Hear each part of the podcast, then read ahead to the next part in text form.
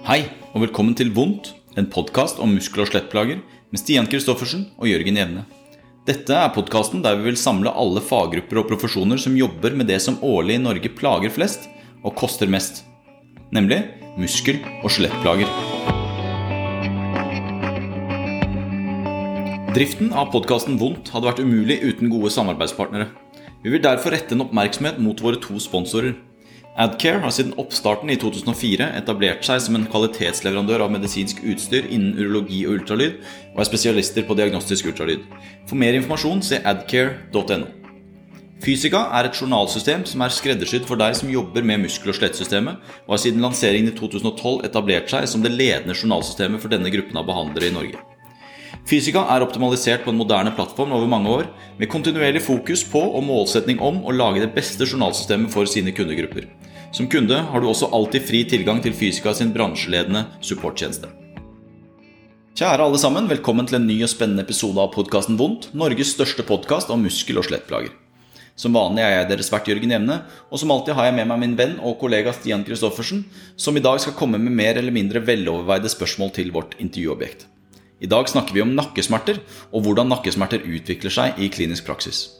Til å belyse dette temaet har vi fått med oss kiropraktor Pernille Irgens, som for tiden tar sin doktorgrad på nettopp dette temaet.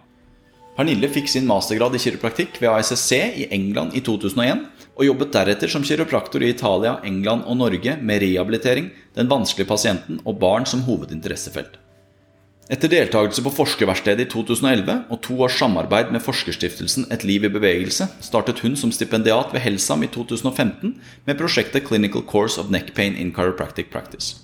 Hun har siden publisert og vært medforfatter på tre artikler innen forløp og prognostiske modeller på nakkesmerter, har holdt foredrag og presentasjoner på kiropraktorkongresser og for leger, og undervist masterstudenter i fysioterapi ved Oslo OsloMet om nakkeplager. Hun ferdigstiller i disse dager sin avhandling.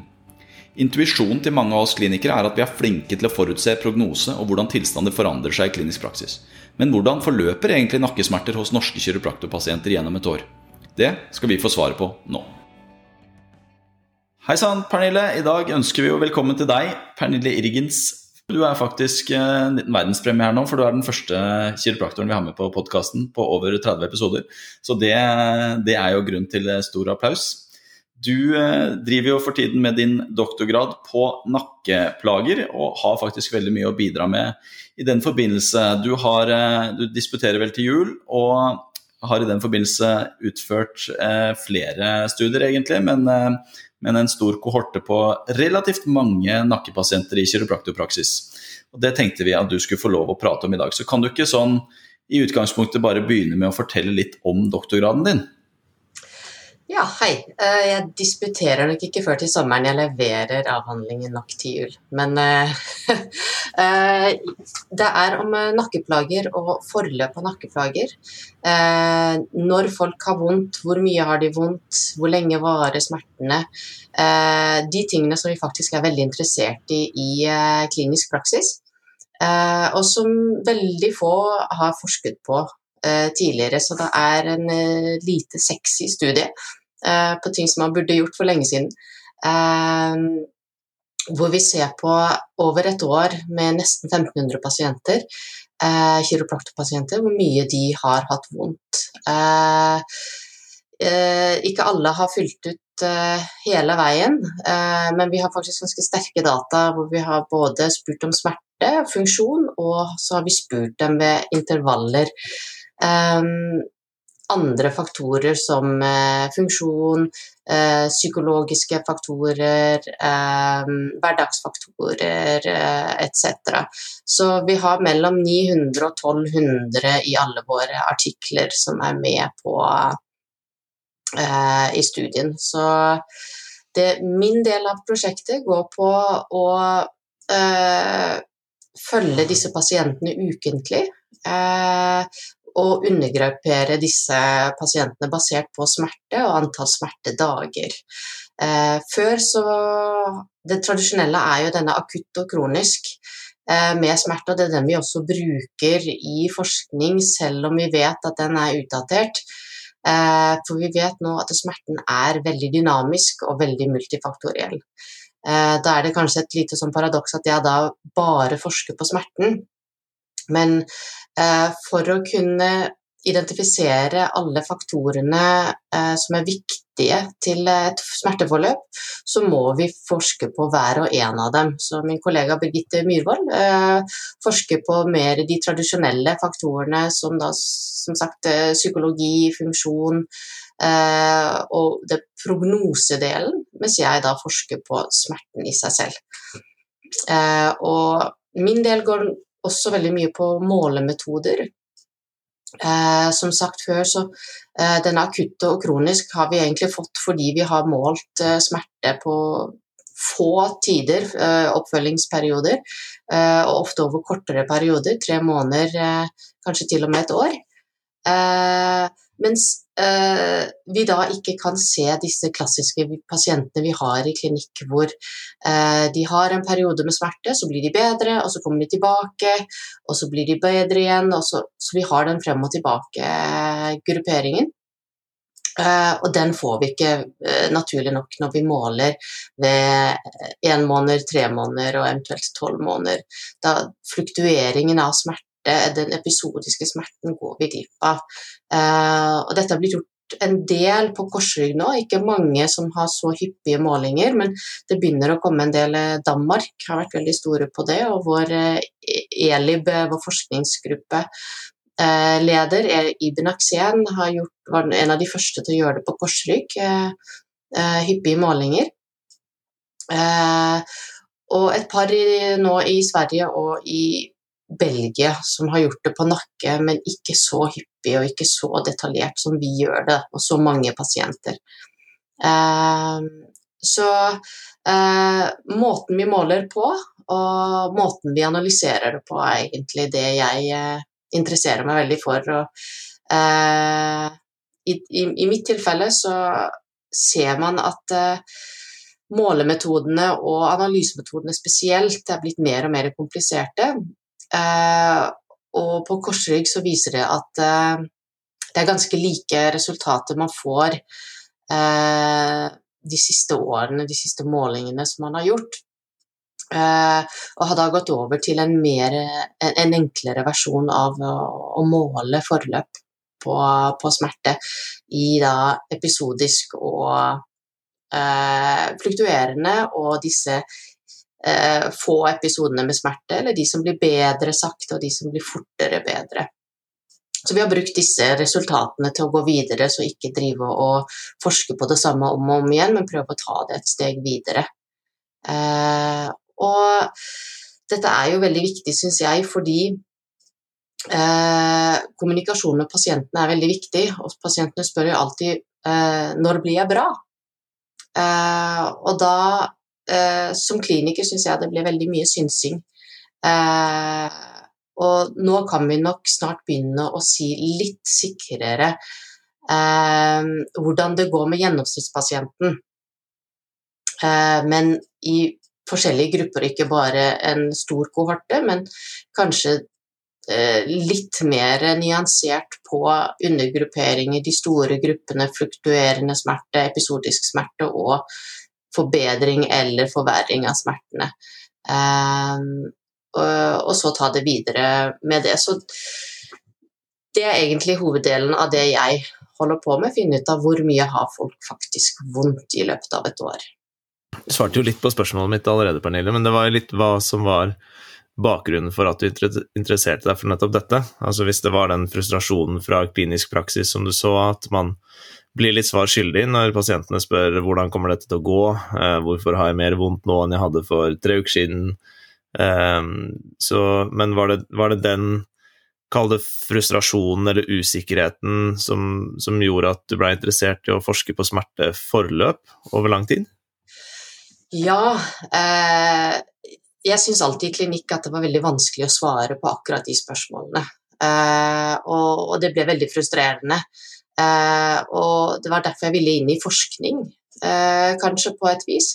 Eh, når, når, en pasient spør meg, som har vært hos meg før, og jeg har fått helt bra igjen, og føler, klapper meg selv på skulderen og er veldig fornøyd, og så kommer de tilbake, kanskje til og med etter to uker. Du, nå har den kommet tilbake igjen. Eller eh, for pasienten som jeg aldri får bedre, hvor jeg trodde jeg kom til å få dem bedre fordi jeg ikke har plukket opp kanskje de riktige eh, signalene fra pasientene. Eh, og, og når jeg da ble foreslått denne, denne, typen studie, som jeg ikke egentlig var så klar over at det fantes, så, så tenkte jeg at ja, dette her kan være en veldig interessant måte å få, få mer svar på. Um, men ja, frustrasjonen, og jeg tror den føler vi som klinikere veldig på. Eh, vi har disse dårlige og gode dagene. Jeg tror de dårlige dagene kommer av nettopp disse pasientene som vi ikke klarer å svare eh, klart på det, for det er noe helt annet å ikke få dem bedre. Det er greit, for ofte så vet vi at deg får vi ikke bedre. Eh, men det er den som jeg var ganske sikker på at jeg ville få bedre, som jeg ikke skjønner hvorfor ikke blir bedre. Uh, som, eh, som nok er på, var pådriveren, og fremdeles er pådriveren når jeg sitter og skriver artikler og sånne ting. Hvordan kan jeg hjelpe med å svare dette spørsmålet for uh, klinikerne? Jeg tror jo de fleste av oss eh, som sitter ute med pasienter på daglig basis, kjenner på den frustrasjonen både ja, egentlig hver dag, kanskje. I hvert fall, i hvert fall veldig ofte. Eh, I forhold til eh, forskningskvalitet og dette med å følge opp pasienter over lang tid, så har jo ofte et problem vært eh, dette med drop-out og sånt. Eh, altså, hvor, eh, kan du si litt om hvor ofte dere har fulgt opp, eller hvor ofte dere har hentet inn data, hvordan dere har henta inn data, hvor mange prosent som har fulgt opp. altså Når dere har over 1000 pasienter, så, så forteller jo også det litt om, om denne type forskning, da, som, som, du sier kanskje ikke er så kjent som, som mye av den andre kliniske forskningen som, som gjøres. Ja, den er uh, veldig uh, utfordrende. Uh, vi har samlet data. Vi, vi, var veldig heldige og hadde kiropraktorer som var villige til å, å rekruttere pasienter for oss. ellers så hadde det ikke gått. og det ble mye jobb på Birgitte og meg ved å følge opp pasientene. Vi fulgte dem opp da med SMS uh, ukentlig, og det tror jeg er veien å gå, disse store spørreskjemaene. Uh, ja, vi får mye informasjon, men uh, folk er ikke villige til å, følge, å fylle ut disse jevnlig, altså.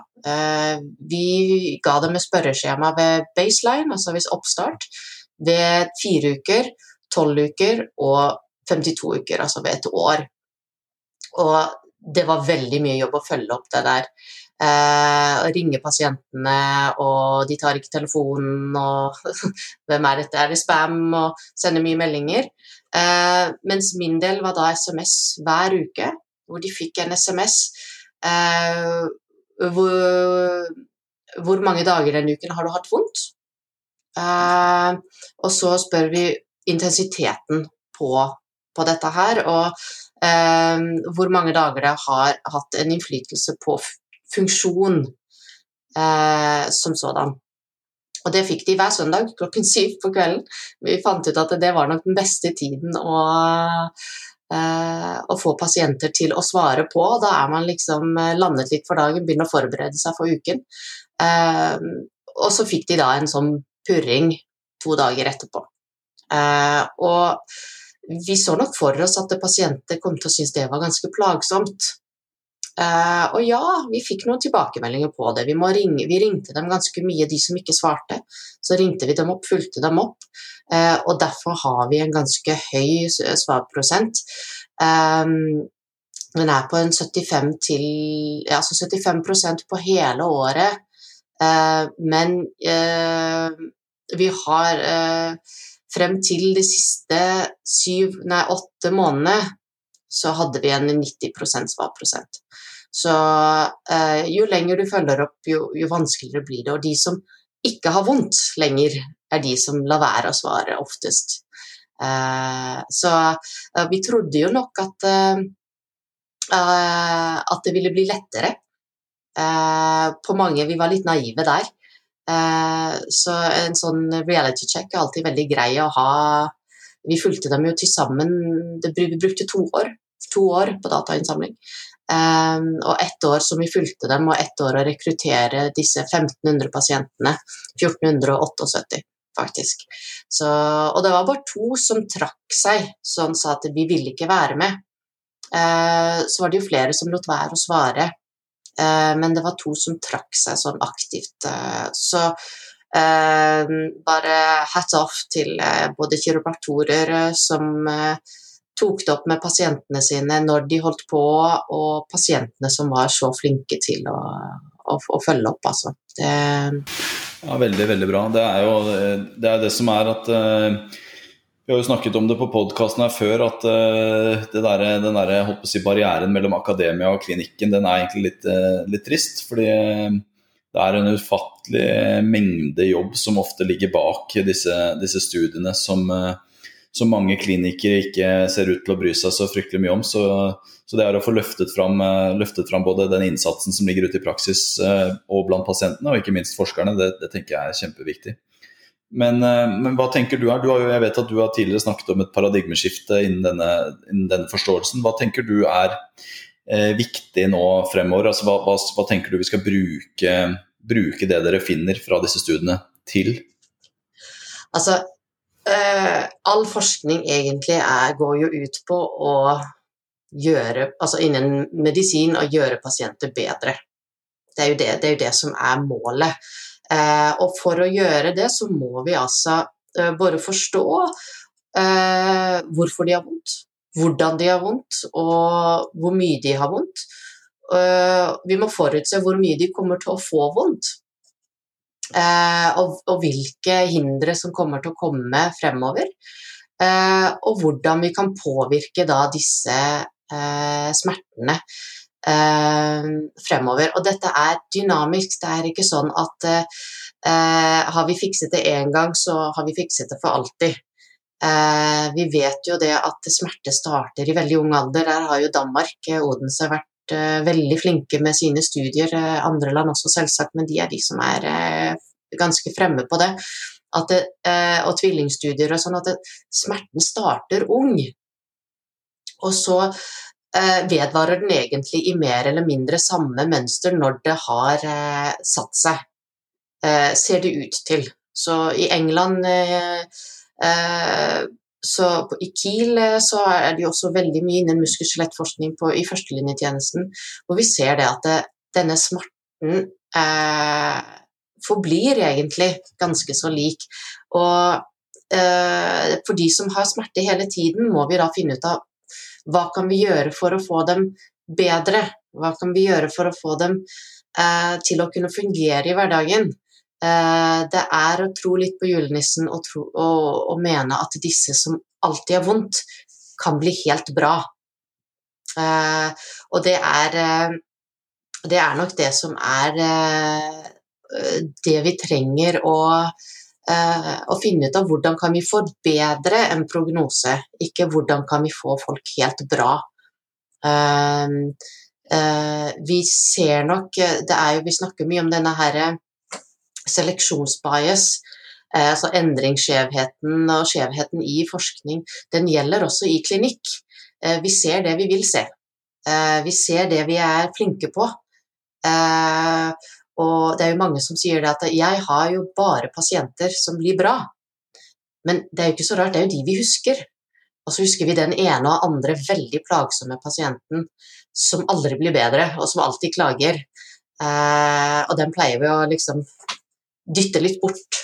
Uh, og det er nok det uh, selv, selv, de som er i andrelinjetjenesten og nevrologer og, og, smerteforskere er der nå at uh, smerte er dynamisk, altså. Det, det, er en prosess som alt annet. det er en, la oss kalle det en sykdom, hvis man liker å kalle ting for sykdom, da. For å, for å gi det mer verdi, så kan vi kalle det sykdom. ja. For et uh, halvannet års tid siden så spilte vi inn en episode med Ingeborg, Ingeborg Meisingseth fra Fysioprim i Trondheim, og de har jo også delt inn eh, pasienter i disse ulike fenotypene, hvor akkurat som du sier, det er jo helt klart Noen pasienter får vi jo ikke bra. Uh, noen pasienter blir bra nesten uansett hva vi, hva vi gjør, og det å i hvert fall kunne anerkjenne sin egen pasientgruppe i hvilken, hvilken fenotyp de havner i, da, det tror jeg er ganske viktig som en sånn ydmykhet eh, overfor eh, egne, egne, evner.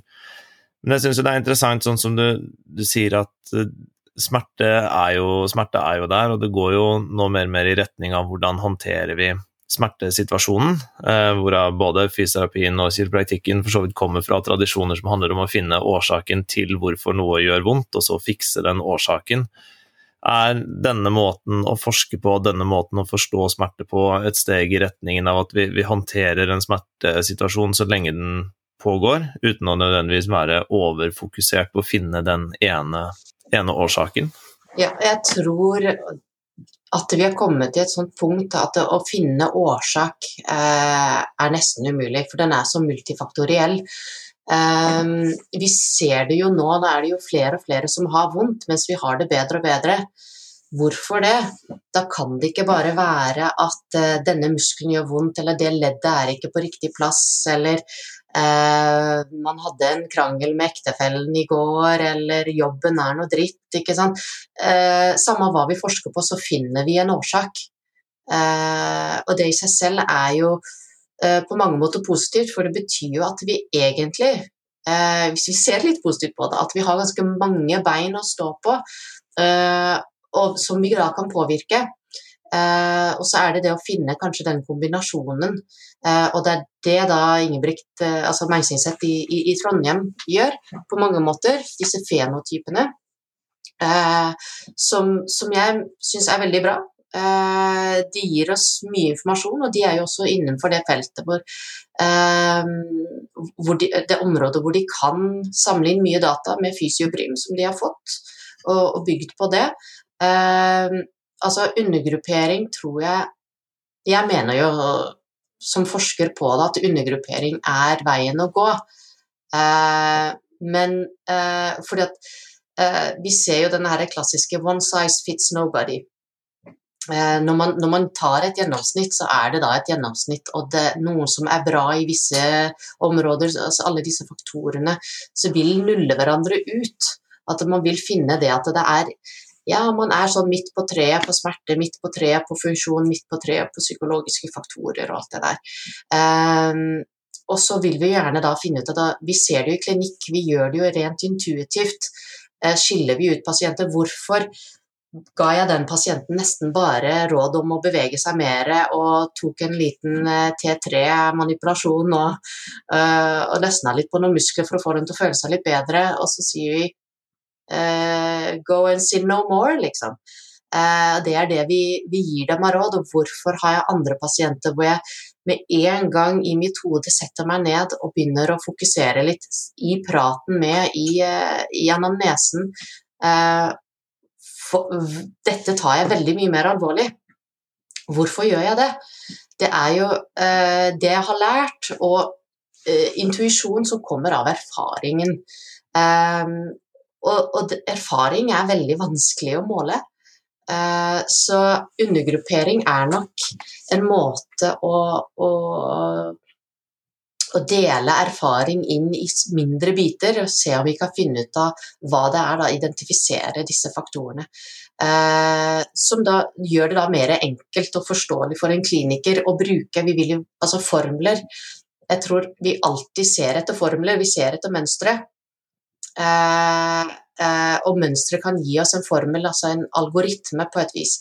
Eh, det ville vært kjempegreit om jeg da sa til, til dere som klinikere at kommer pasienten inn og forteller at de har hatt så og så mye vondt de siste tre månedene, Uh, og de er plaget med dette i, i, i hverdagen, og de har, klarer ikke å snu hodet så og så mange grader. Og så er de ugifte. Da kan dere si til dem at dette går ikke bra. Ikke sant? Eh, det hadde vært kjempegreit. Eh, vi kan ikke det. Men eh, vi kan likevel gjøre mer av denne typen personalized medicine. At det går på eh, den individuelle pasienten eh, litt mer enn det vi har gjort eh, så langt. Så det er disse undergrupperingene som jeg da finner at det er veldig tydelige. Vi har de som har eh, smerter så å si hele tiden, men eh, det varierer. Men eh, de har veldig få uker hvor de ikke har hatt noe smerte. Og så har vi denne gruppen, det er nesten 50% av våre pasienter i, på nakkepasienter er sånn.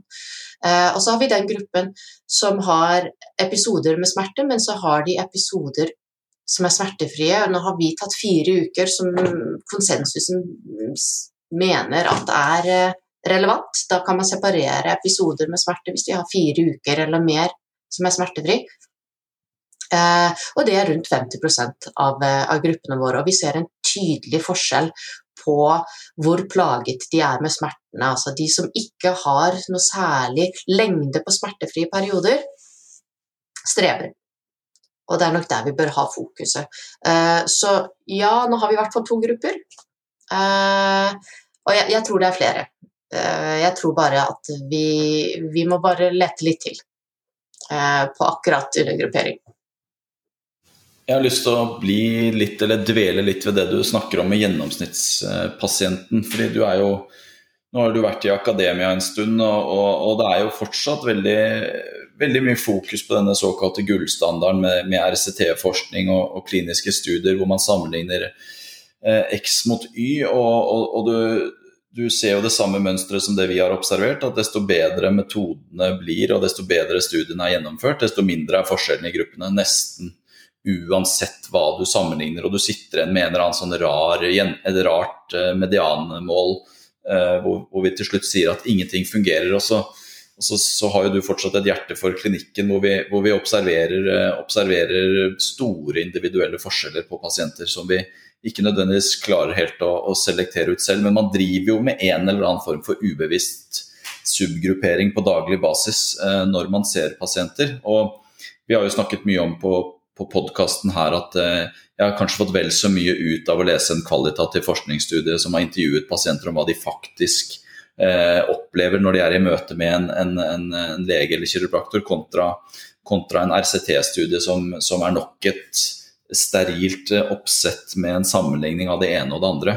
Uh, og jeg, jeg, er jo helt enig i at veien å gå er jo å, å få et større fugleperspektiv på, på dette, og der er jo slike studier som det dere har gjort, uh, tenker jeg er én av, av, de delene. Eh, men hva tenker du sånn etter dine år i akademia nå, hvordan, du, hvordan ser du på det der?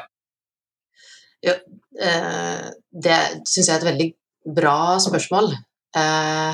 Fordi jeg blir jo ganske frustrert når Jeg ser jo svakhetene med å ha det vi har en observasjonsstudie. Det er jo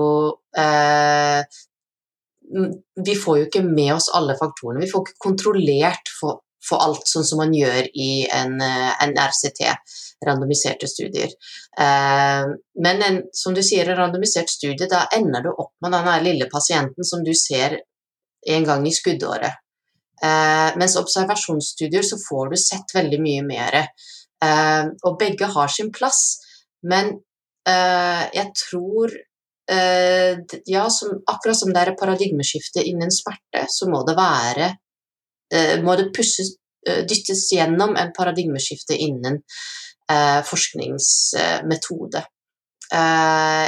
Man kan ikke fortsette med RCT-er, for det første så blir man ganske lei nå.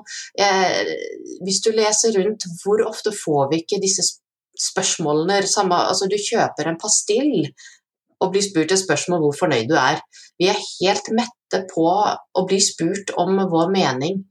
Eh, og derfor så og, og, og, Hvis vi skal fortsette å spørre og spørre og spørre, og så teste veldig små grupper ut ifra de spørsmålene, så tror jeg vi har, uh, ender opp med å få feil svar til slutt. Um, og som jeg sa tidligere, alt ser ut til å ha en eller annen form for effekt. Uh, og når det er så mange faktorer som er involvert, vi ser det jo også på skulderforskning, sånn som, sånn som du Jørgen er veldig interessert i, uh, at bare det å, å, ta et lite snitt i skulderen har like god effekt nesten som kirurgi på veldig mange områder. Disse norske studiene som er så bra på akkurat dette her. vi må gå andre veier, og at man tviholder på RCT-en tror jeg er Eh, er dumt. Jeg tror vi taper mye, jeg tror vi kaster bort veldig mye penger. Eh, og det fins nok bedre måter. Vi har jo eh, hva heter det på norsk? Artificial intelligence, som jo er en veldig fin måte å og, og kanskje komme rundt mange av disse svakhetene i både RCT-er og, og, observasjonsstudier. Fordi at det, Sånn som f.eks. på måten jeg forsker på, som er en observasjonsstudie, det er jo også mange ulemper. Nå har jeg jo kommet med alle fordelene, men det er jo masse ulemper også. Vi får jo en, enorm mengde data. Eh, hvordan oppsummerer vi alt dette her? Hvordan velger vi hva som er viktig? Og jo mer analyser vi gjør på eh, jo flere faktorer samtidig, jo svakere blir jo svaret som kommer ut. Man kan jo tro det at vi putter inn masse, og så får vi ut et kjempebra svar, og så får vi en P-verdi på det, eh, som vi setter en sånn cutoff på.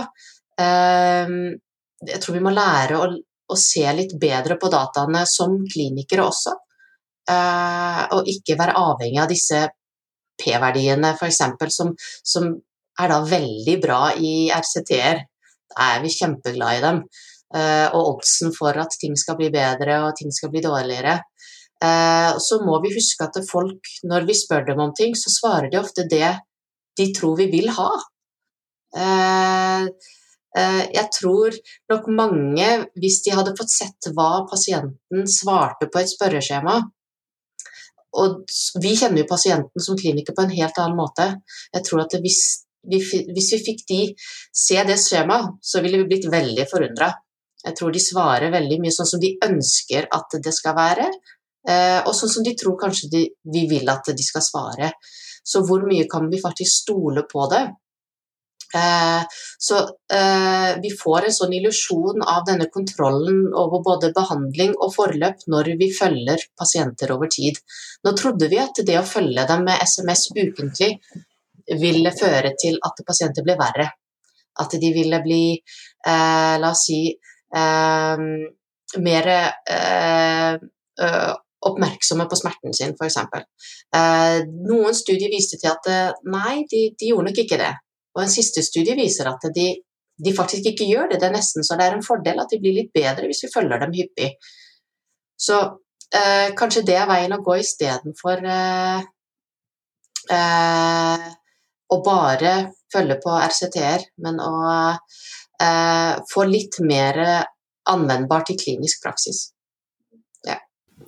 Du, du, snakker om eh, personal, personalized medisin og dette individuelle smerteforløpet, den individuelle pasienten. Eh, og så er jo vi helt enig i, i dette med at RCT-er ikke nødvendigvis fanger opp det, og det har vi jo snakket eh, med, med Rani Lill Anjum i, i Cause Health om tidligere, for de som er interessert i å høre mer om det. Så, så, jeg er helt enig i at det å redusere pasienter til, til datapunkter på en, på en linje i, i, veldig liten grad representerer den kliniske hverdagen vi står i. Da. Eh, så, men hvis du da som, som kliniker skulle lest eh, din egen doktorgrad og tenkt hvilken verdi gir dette meg som kliniker overfor mine individuelle pasienter med nakkesmerter, så altså, hvor, hvorfor, er det, hvorfor, er det, du har funnet viktig? Jeg, jeg tenker nok at konklusjonen på min eh, doktorgrad blir egentlig kommunikasjon eh, til pasientene. Det er, det er, der jeg kan bidra. For som jeg sa tidligere, eh, 98% av våre pasienter eh, som vi har fått i vår studie, har vondt fra og til.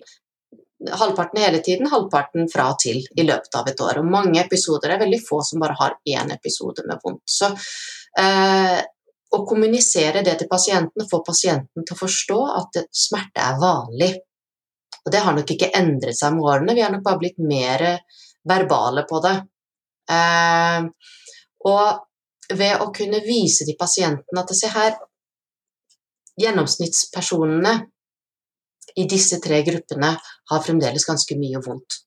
Eh, og kunne berolige med at eh, det er ikke farlig å ha vondt. Men å ikke kunne øh, få en god nok funksjon, f.eks. ikke til å kunne gjøre de tingene du vil gjøre i hverdagen, da må vi gjøre noe med det.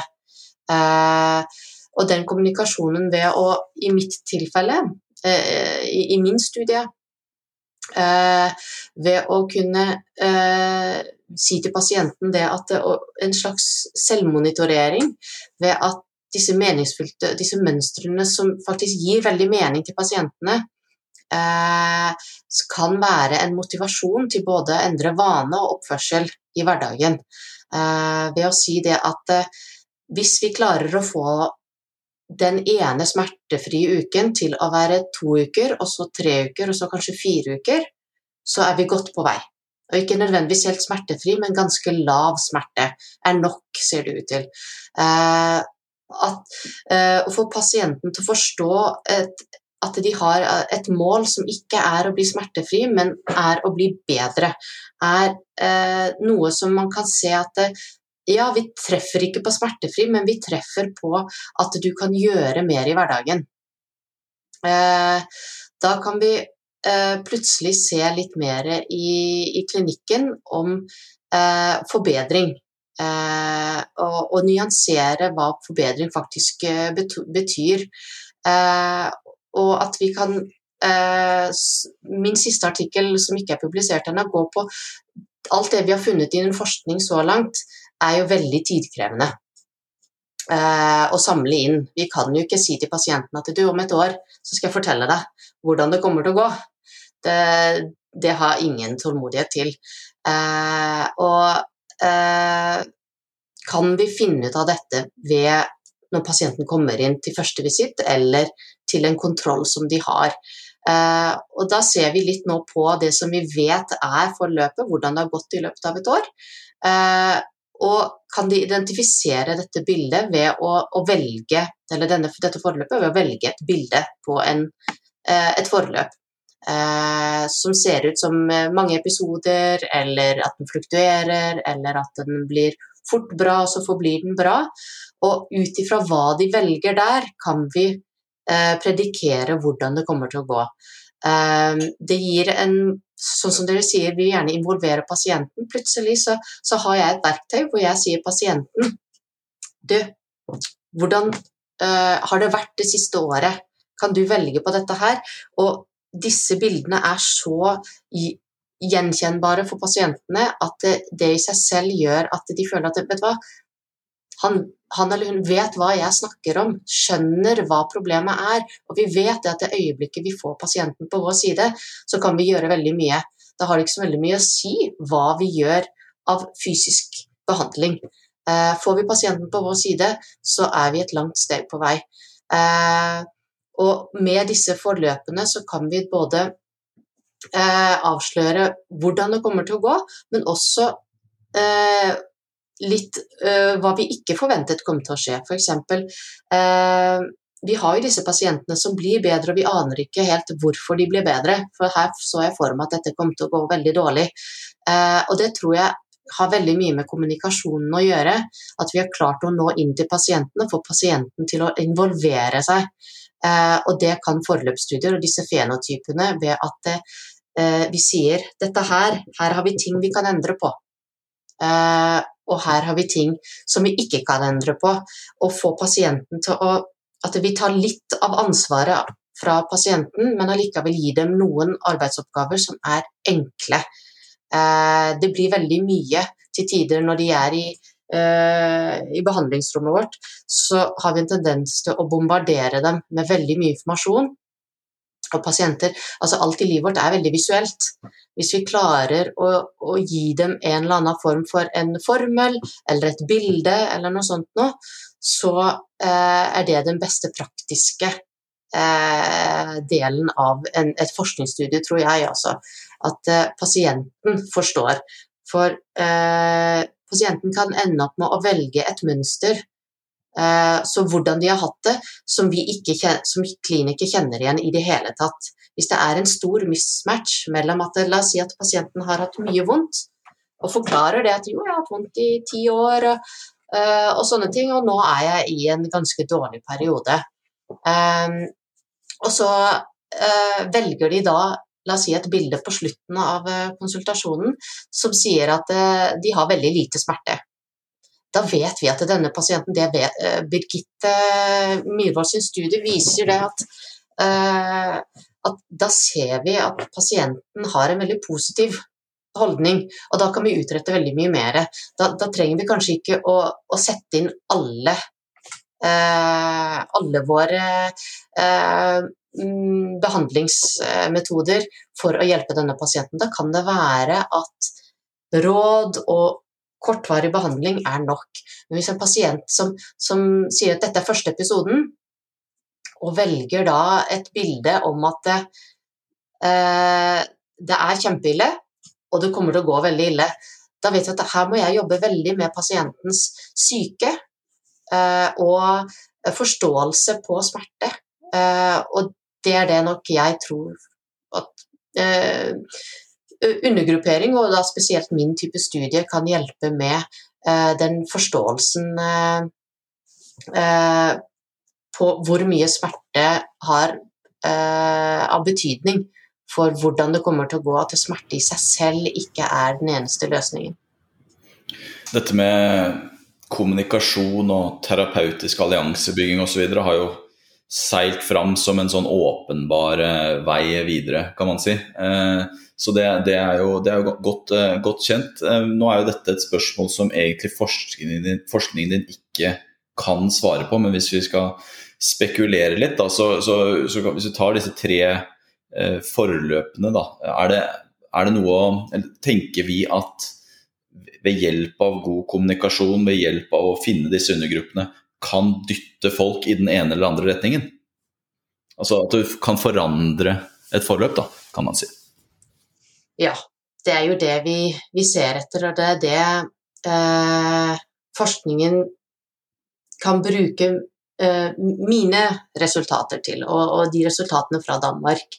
Eh, som jeg sa helt i starten, at dette er på mange måter et litt sånn kjedelig eh, resultat, altså studie. Det skulle vært gjort for veldig lenge siden. Eh, man hadde ikke så mye SMS eh, og kunnskapene, så, så man kunne, kunne, ikke gjøre det på denne måten. Men eh, det er en basisstudie som man skal bygge videre på. og jeg er veldig enig i den. Therapeutic Alliance var en av de grunnene til at jeg begynte, interesserte meg veldig for forskning og ble dratt inn i forskning. Er at jeg så det at det var noen pasienter jeg fikk veldig god kontakt med og da fikk jeg dem bra selv om altså De var fornøyde selv om jeg nesten ikke fikk dem bedre. La oss si eh, Parkinsons-pasienter, eh, som jo eh, Prognosen der for, for, smerte og for forløp er jo ikke positiv, kan man jo si. Der går det sakte, men sikkert én vei. Eh, men ved eh, det lille jeg kunne gi av bedring, og det lille jeg kunne forklare om at eh, ja, men denne vondten har ikke direkte sammenheng med sykdommen din. Så at jeg kunne eh, skille for pasienten de to ved å kunne forklare hva som var forskjellige typer smerte. Eh, der tror jeg eh, Og da pasienten hadde én til to dager med mye bedring, eh, og så var de tilbake til normalen. Men det i seg selv var nok til at den pasienten var veldig, veldig fornøyd og hadde også da mindre plager eh, fordi de var ikke så fokusert på akkurat det problemet. De visste her er det noe vi kan hjelpe med. Og ved å sette inn mer ressurser til de pasientene som, eh, som svarer at de, de, har det ikke bra, som vi klarer å plukke opp, at eh, smerten er kanskje ikke så høy for alle dem, men de har så mange andre ting som pågår.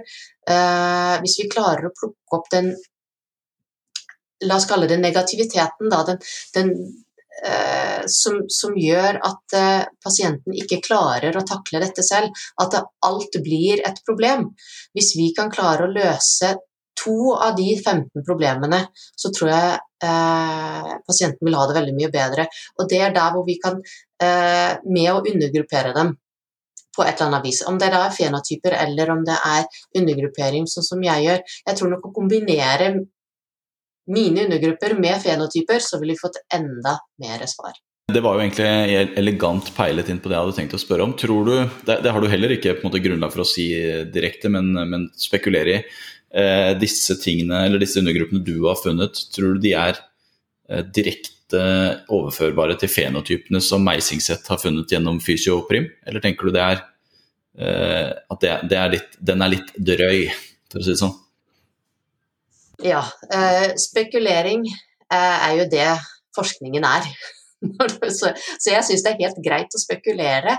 Eh, det er det jeg sitter og skriver når jeg diskuterer eh, når jeg sitter og skriver avhandlingen og, og artikler. Eh, hva kan vi egentlig bruke dette til? Og er de like? Jeg tror ikke det. Jeg tror ikke det. Men jeg tror at ved å legge inn subgrupperinger som jeg bruker, så vil det kunne ta fenotypene til et neste steg. For fenotypene er basert veldig mye på øyeblikksmåling så langt. Eh, og ved å da gi en mer dynamisk måling, legge den til der, så tror jeg vi ville fått enda bedre svar. Eh, eh, og jeg vet at de, de holder på med det, dette her. De, vi skjønner det. Det var som jeg sa, at man må, man må begynne å løse opp flokene i, i flere ender. og så kan man slå dem sammen igjen eh, og gjøre det veldig mye enklere. Så har man jo studien til Alexander Chaibi som kommer nå, som man skal begynne med nå på Nakke, hvor det er en RCT hvor, hvor vi, vi, skal følge dem, hvor man skal følge Jeg er ikke direkte med på dem, men hvor vi skal følge dem eh, tettere opp. For å se nøyaktig når kommer bedringen. Eh, og og så kan vi gå Når skal vi sette inn tiltak etter vi får de svarene der? Så det er det å implementere eh, tidligere forskning inn i den nye forskningen, og ikke si det at det jeg mener er rett. Derfor så går jeg videre med dette. Jeg er uenig i alle andres forskning. Jeg tror disse systematiske gjennomgangene kan gi oss veldig mange svar, og brukes nok ikke nok. Og jeg tror nok heller ikke at forskning brukes nok i praksis. Og der er det også forskere som på mange måter ikke er flinke nok til å få eh, budskapet tydelig nok frem, den kliniske relevansen i budskapet. Og at eh, klinikere må skjønne det at eh, vi kan ikke få svar på alt. Fordi at eh, det er liksom How long is a piece of string? Vi vet ikke hvor enden går. Eh, og det er viktig å, å, få frem.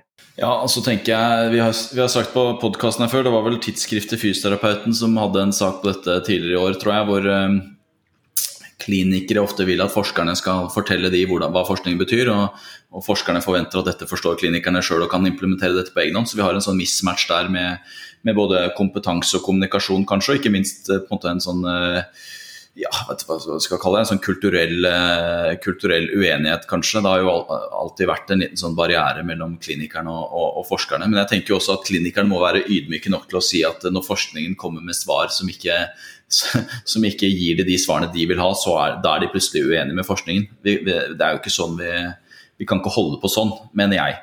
Eh, men hva, hva, tenker du veien videre her nå? Eh, ikke bare for din del, men, eh, men for hvis vi tar eh, jeg er jo veldig glad i dette metaperspektivet og dette med å, å ta et fugleperspektiv både på, både på den pasienten foran meg, men også på forskningen. Altså, hva tenker du er veien videre her nå eh, på, på podkasten her og, og, mellom meg og Stian? Har vi snakket mye om dette med si, den uspesifikke retningen. Altså, vi ser jo det nå at eh, korsryggsforskning Vi har veldig mye korsryggsforskning, og, og vi er fortsatt på en konsensus på rundt 85-90% er uspesifikke plager, som sagt. og Jeg ser vel ikke noen sånn umiddelbar årsak til at det skulle vært så forferdelig annerledes på de andre leddene.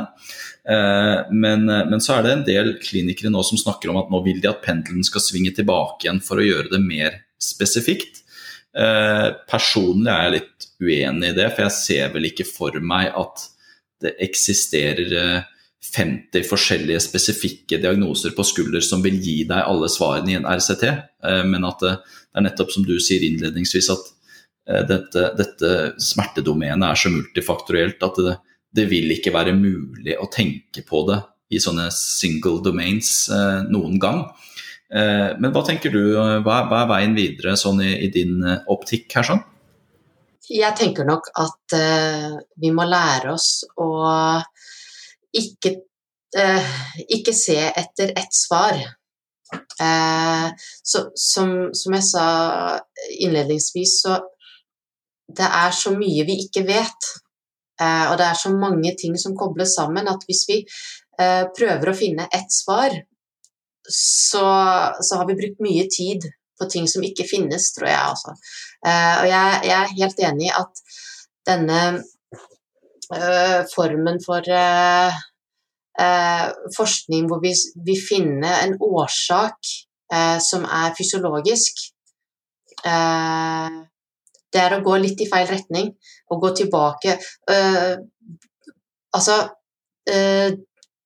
man kan bruke den MR-forskningen, forskning på MR og betydningen for MR, ganske bra. Det spørsmålet som du er ment å stille deg selv, eh, vil svaret jeg får på MR endre behandlingen min, eller behandlingen som jeg skal gi? Og det er akkurat der vi er. Eh, vil det å vite hvor smerten kommer fra, om den kommer fra den og den muskelen eller senen eller leddbåndet eller ustabilitet eller eh, hva, Vil det endre behandlingen? Og der hvor vi er nå, så, ikke, så, så vet jeg vi kan ikke svare på det. Uh, og det er som med ganske mange andre sykdommer at det, det, er nok noen ting som vi mangler fremdeles et par parametere. Sånn som innen, uh, innen stoffskifteforskning f.eks. Så, så, så, filosoferer man jo at er det noe som vi ennå ikke har funnet ut av? Er det en eller annen måling, en blodprøve, et eller annet der som vi ikke vet om? Ikke sant? En ny uh, partikkel f.eks. innen fysikk og, og, og sånne ting. Eh, og da, da, tror jeg det er eh, Noen selvsagt må jo prøve å finne denne eh, litt sånn vage eh, årsaken. Eh, men jeg tror ikke vi har teknologien der ennå til å kunne finne ut av mer spesifisitet enn det vi har nå. Eh, og, og, det er jo der jeg, jeg, er veldig glad i teknologi. Teknologi kan gi oss enormt mengde svar. Uh, artificial intelligence, akkurat det samme. Um, og særlig innen forløpsstudier, sånn som der jeg er, og, og disse fenotypene og sånne ting, så er det jo bare Det er jo manna, altså det er jo nirvana for oss forskere. Uh, jo mer data, jo bedre, tenker vi jo. Men så glemmer vi at det, det, kan bli for mye data, vi kan gå oss vill i dette her. Og så er det denne monitoreringen. GDPR-ene og og alt dette her. Det, det, er vanskelig. Og gjør det egentlig det enklere i praksis ved at vi vet mer? Eh, kanskje ikke. Kanskje vi burde være flinkere til å nå som de sier, vi må bli mer spesifikke, for det er jo alltid en grunn. Ja, helt enig, det er alltid en grunn til at de har vondt. Men jeg tror ikke grunnen er hovedsakelig fysiologisk. Jeg tror grunnen er en mengde faktorer sammen. Så jo, helt enig, men nei, helt uenig. Pernille Irgens, du er jo første kiropraktoren på poden her, så vi skal ha sånn grandio et grandiost avslutningsspørsmål. tenkte, tenkte jeg. Neida. Du, du, sa jo tidligere her at uh, gjennom disse forløpsstudiene så har man sett at uh, smerte er noe som uh, etablerer seg forholdsvis tidlig hos mange. Bl.a. de danske studiene viser at i motsetning til hva vi kanskje har trodd tidligere, at smerte debuterer relativt tidlig, og ser også ut til å vedvare inn i voksenlivet. Og dermed skape, skape en, en, livslang problemstilling, da, hvis vi skal, skal være såpass, så, såpass, brautende. Men hvis vi tar, hvis vi tar uh, artroseforskningen, så ser vi også nå som en kliniker å få inn en pasient på 55 år med en kraftig kneartrose som har så vondt at de førstelinjeterapiene du skal tilby, er vektnedgang og trening eh, på et kne som er så vondt og stivt at eh, man aller helst har lyst til å ligge i ro, så, så, så, seiler man jo i en helt åpenbar vei med artrose at det er noe vi skulle prøvd å forebygget i mye større grad enn behandlet det når det først har satt seg. Eh, hva tenker du om det på på smerte generelt, altså med, med, tanke på at, eh, at, vi kjenner en del faktorer som, som i, i, forhold til sunne livsstilsvalg osv. som i hvert fall reduserer sannsynligheten for eh, smerte. Um, det er jo et sånn, som jeg sier, grandiost avslutningsspørsmål, men hva tenker du om det? Sånn, eh, Istedenfor behandling, så, så forebygge smerte. Det er, jo, det er jo ikke noe enkelt svar på, selvfølgelig. Nei, eh, dette drev jeg ganske mye og tenkte tenkte på når jeg jobbet i England eh, som kiropraktor og gikk mye rundt på skoler og, og, pratet om holdning. Før så trodde vi jo det at eh, en god holdning, da ville du få Eh, lite smerte, det var forebyggende arbeid. Alle disse fikse på disse små musklene, kjernemuskulaturen og gjøre disse stabiliserende øvelsene og sånne ting. Og så kommer studier og forteller oss noe helt annet, at det har ikke så mye å si hva du gjør, så lenge du gjør noe. Eh, og, og, nå også denne kurven, og så finne andre kurven i nakken, og så er det bra, og så er det dårlig, og så eh, SMS-nakke eller eh, tekstnakke og sånne ting. Eh, jeg tror å forebygge eh, Enten så er det veldig enkelt, eller så er det veldig komplisert. Uh, og vi vet ennå ikke hvilket av de to det er, og da tror jeg at det viktigste er å følge den, den, den uh, minst kostbare og minst eh, eh, den, den, som gir minst eh, arbeid i hverdagen. med at man må drive og huske på ting. Jeg tror eh, å forebygge Hvis vi hadde kunnet komme i skolen og si eh, mitt drømmeønske var jo å kunne være del av gymtimen, f.eks. Det er jo en, en klassisk måte å lære barn om bevegelse. For man beveget seg jo mer før. Jeg gjorde en eh, Jeg ble bedt om å holde et foredrag om eh, barn og smerte i, eh, når jeg jobbet i Grimstad for mange år siden, og, og fysisk aktivitet. Så jeg gikk lørdager mellom klokken ti og tolv, som jo er da barna er våkne som regel og er veldig aktive og foreldre trenger at de blir slitt ut, gikk jeg på alle lekeplassene i byen i to måneder hver lørdag mellom ti og tolv. Og så satt jeg med et uh, ark. Jeg, veldig, jeg, hadde et stort ark i begynnelsen, men det trengte jeg ikke. Jeg trengte egentlig bare eh, hukommelsen, for da var det mellom én til tre barn på det aller meste i løpet av de to timene jeg satt der. Det var ikke barn ute, og jeg tittet rundt. Det var ikke barn ute og beveget seg på en lørdag. Og jeg tror hvis man kan få lære folk å bevege seg mer, så er det første steget. Å få dem til å Vi ser jo det, og det er ikke, det er ikke noe Sittestillingen er kanskje ikke så kjempeviktig. Det er det at du beveger deg ofte som er viktig. Men heller ikke å trene for mye, for det ser vi jo også eh, Cecilie Øverås, som jo har vært, eh, vært med på disse studiene også i Danmark, eh, om at å bevege seg for mye er jo heller ikke bra. Ikke sant? Å finne denne gylne middelveien. Og om vi som kiropraktorer eh, gi behandling som skal forebygge. Så, så, ja, om det er eh, veien å gå. Noen studier viser at det kan være bedre for de som allerede har mye vondt. Eh, men for å forhindre at de kommer i et mønster, der er vi langt fra å forstå engang noe på hvor, hvor, vi skal gå. Masse teorier, veldig interessant og veldig viktig, men jeg tror ikke vi har noen svar der. Altså. Der, der vil jeg si at eh, Eh, det viktigste er å be folk i denne omgang å holde seg aktive.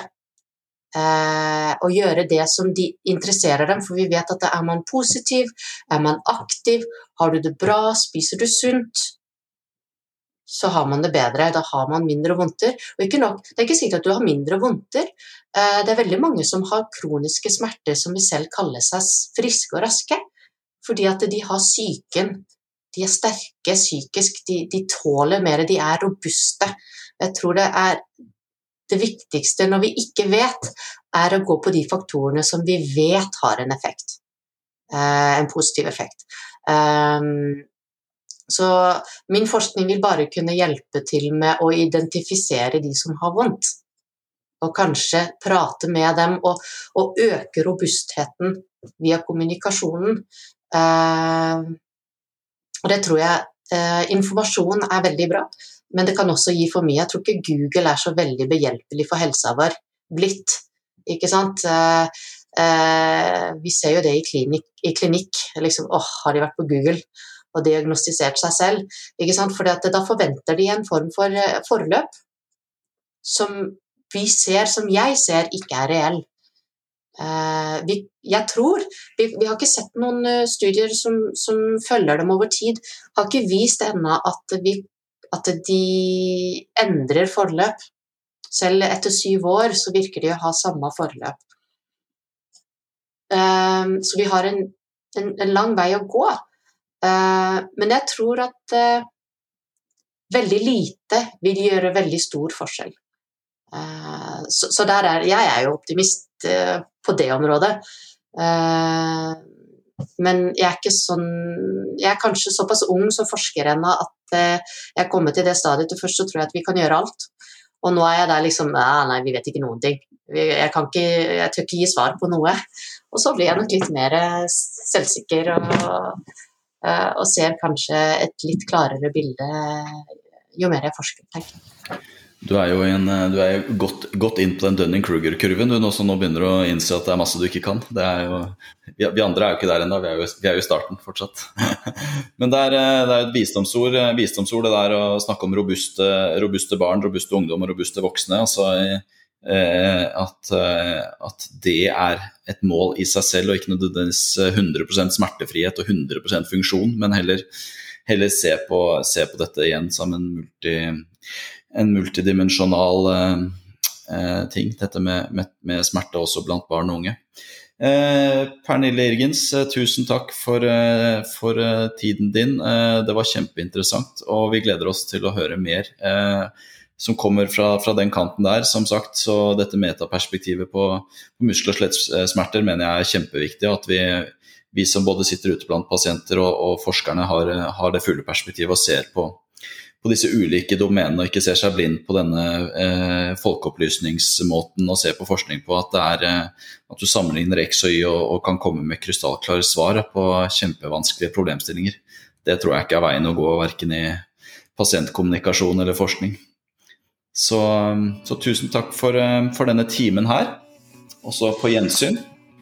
Ja, takk. Eh, og hvis jeg bare kan si kjapt, eh, jo flere terapeuter vi kan få til å hjelpe oss med å samle data til forskning, jo mer kan vi faktisk hjelpe til med å gi de svarene som ønskes. Altså. Så, så, jeg håper folk vil fortsette å hjelpe oss med å samle inn data, for det er kjempebra. En tydelig call to action der til slutt, altså. Så da, da avslutter vi der, og så sier vi tusen takk for denne gang.